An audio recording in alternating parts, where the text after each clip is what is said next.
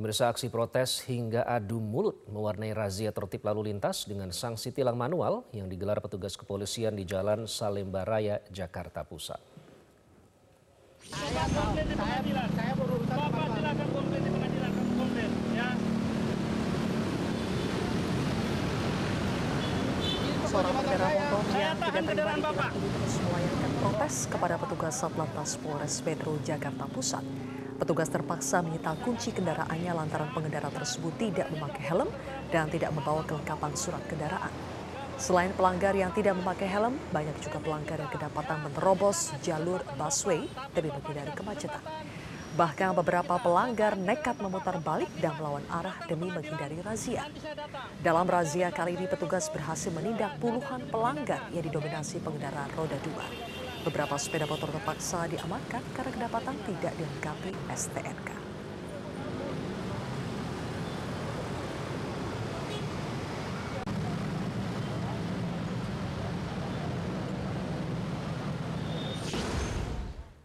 Puluhan pelajar di SMA PGRI 2 Sampit Kabupaten Kota Waringin Timur Kalimantan Tengah terlibat aksi baku pukul antar sesama pelajar. Dan tindakan tidak terpuji ini hanya dipicu oleh perkara persaingan saat bermain sepak bola.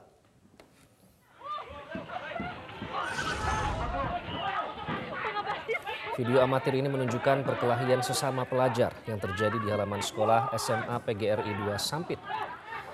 Baku pukul terjadi pada jam istirahat yang melibatkan siswa kelas 10 dan 11.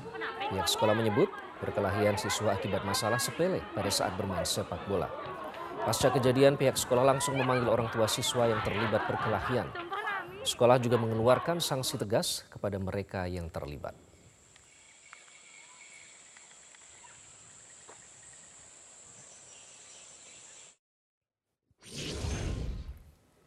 Terpidana mati kasus pembunuhan berencana Brigadir Yosua Huta Barat, Verdi Sambo, hari ini mengajukan kasasi ke Pengadilan Negeri Jakarta. Selain Verdi Sambo, Putri Chandrawati dan Kuat Ma'ruf juga mengajukan kasasi setelah banding ketiganya ditolak pengadilan tinggi. Hal tersebut disampaikan Humas Pengadilan Negeri Jakarta Selatan, Juyamto, Senin siang. Menurut Juyamto, Verdi Sambo CS hari ini mengajukan kasasi setelah putusan banding mereka di tingkat pengadilan tinggi ditolak pada tanggal 13 April lalu. Jumianto menjelaskan tiga terpidana yang mengajukan kasasi yakni Verdi Sambo, Putri Chandrawati, dan Kuat Ma'ruf yang diwakili oleh penasihat hukum masing-masing. Saat ini Pengadilan Negeri Jakarta Selatan masih menunggu memori kasasi dari pemohon.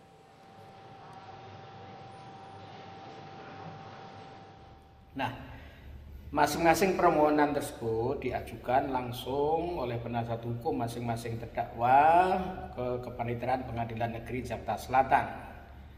Nah, dengan demikian sesuai dengan hukum acara, maka dalam tenggang waktu 14 hari sejak permohonan kasasi tersebut diajukan, maka pemohon kasasi harus atau wajib untuk segera menyampaikan memori kasasi.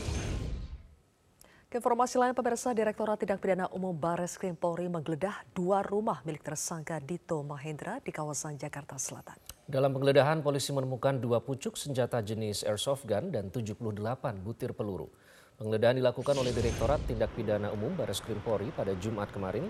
Penggeledahan dilakukan di dua rumah tersangka Dito Mahendra, yakni di kawasan Kebayoran Baru dan Cilandak Barat, Jakarta Selatan. Dalam penggeledahan, polisi menemukan dua senjata jenis airsoft gun. Selain itu juga ditemukan 78 butir peluru dan spare part atau bagian senjata. Selain menyita dua senjata, penyidik akan menganalisa handphone para saksi yang berada di kedua rumah tersebut untuk mendeteksi keberadaan Dito Mahendra. Dito Mahendra terseret kasus kepemilikan senjata api ilegal usai Komisi Pemberantasan Korupsi menggeledah kediamannya pada Senin 13 April 2023.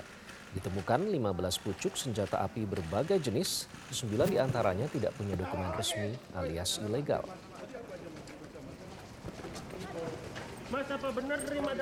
Dito Mahendra sejauh ini masih berstatus saksi dalam kasus tindak pidana pencucian uang atau TPPU mantan Sekretaris Mahkamah Agung Nur Hadi.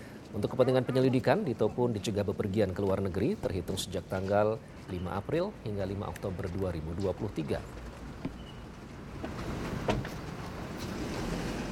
Ya Yang kedua penemuan barang bukti yang ditemukan pada rumah kedua terdiri dari satu buah senjata api airsoft gun warna hitam merek Wingmaster Shotgun model 870 yang dilengkapi dengan satu magazen warna hitam.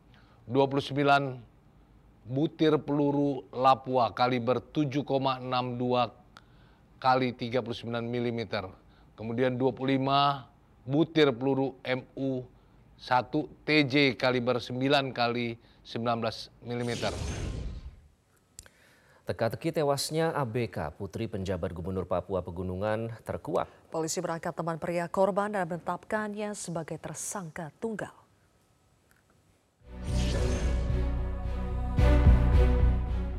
Saya mengakui kesalahan saya dan saya siap bertanggung jawab atas apa yang saya buat. Kasus tewasnya ABK, Putri Pejabat Gubernur Papua Pegunungan, Nikolaus Kondomo, menemukan titik terang. Teman pria korban, Ahmad Nasir, ditetapkan sebagai tersangka tunggal. Nasir merupakan mahasiswa sebuah universitas swasta di Semarang berusia 22 tahun. Nasir mengaku mengenal korban ABK pada 3 Mei 2023 lewat media sosial dan bertemu pertama kali pada 18 Mei 2023. Pelaku menjemput ABK di rumahnya, kemudian dibawa ke kos-kosan yang disewa pelaku. Di kamar kos, pelaku sudah menyiapkan minuman keras. Dijemput ya, korban dijemput oleh yang bersangkutan. Kemudian dibawa ke kos-kosan, kemudian ngobrol, kemudian minum, kemudian terjadi uh, tadi hubungan uh, laki dan perempuan tadi, kemudian korban mengalami mual, ya begitu ya. Kemudian uh, yang bersangkutan mencoba membantu me membelikan susu bir brand. Uh, kemudian uh, dilanjutkan lagi mencoba membantu dengan uh, air kelapa yang dibeli dari tidak jauh dari kos-kosan. Nah, tidak lama kemudian kos, uh, korban kemudian uh, kejang. Kejang kemudian uh, yang bersangkutan tersangka mencoba membantu uh, untuk membawa ke rumah sakit Elizabeth dengan uh, meminta bantuan dari uh, tetangga kiri kanan kos yang ada di TKP. Korban akhirnya meninggal di rumah sakit. Dari hasil pemeriksaan forensik ditemukan tiga titik luka di alat kelamin korban. Sementara itu, berdasarkan hasil autopsi, korban diduga meninggal karena afeksia atau gagal nafas, mati lemas, dan dugaan keracunan. Keracunan ini sedang dilakukan pemeriksaan lanjutan. Ada tiga item, yakni uh, pemeriksaan mikrobiologi, kemudian patologi anatomi, dan toksiologi. Oleh karena itu, poin ketiga tadi kami jelaskan tadi bahwa mati lemas, gagal nafas dan keracunan. Poin ketiga soal keracunan masih akan di, sedang diikuti oleh pemeriksaan tiga item tadi. Mikrobiologi, patologi anatomi dan toksiologi. Tersangka dijerat Undang-Undang Perlindungan Anak Pasal 81 tentang persetubuhan anak di bawah umur dan Pasal 338 dengan ancaman pidana minimal 5 tahun dan maksimal 15 tahun penjara. Sebelumnya, ABK Putri PJ Gubernur Papua Pegunungan tewas di kamar kos teman prianya di Jalan Pawiyatan Luhur Semarang pada Kamis 18 Mei. Dari hasil olah TKP, polisi menemukan beberapa botol minuman keras dan sejumlah luka.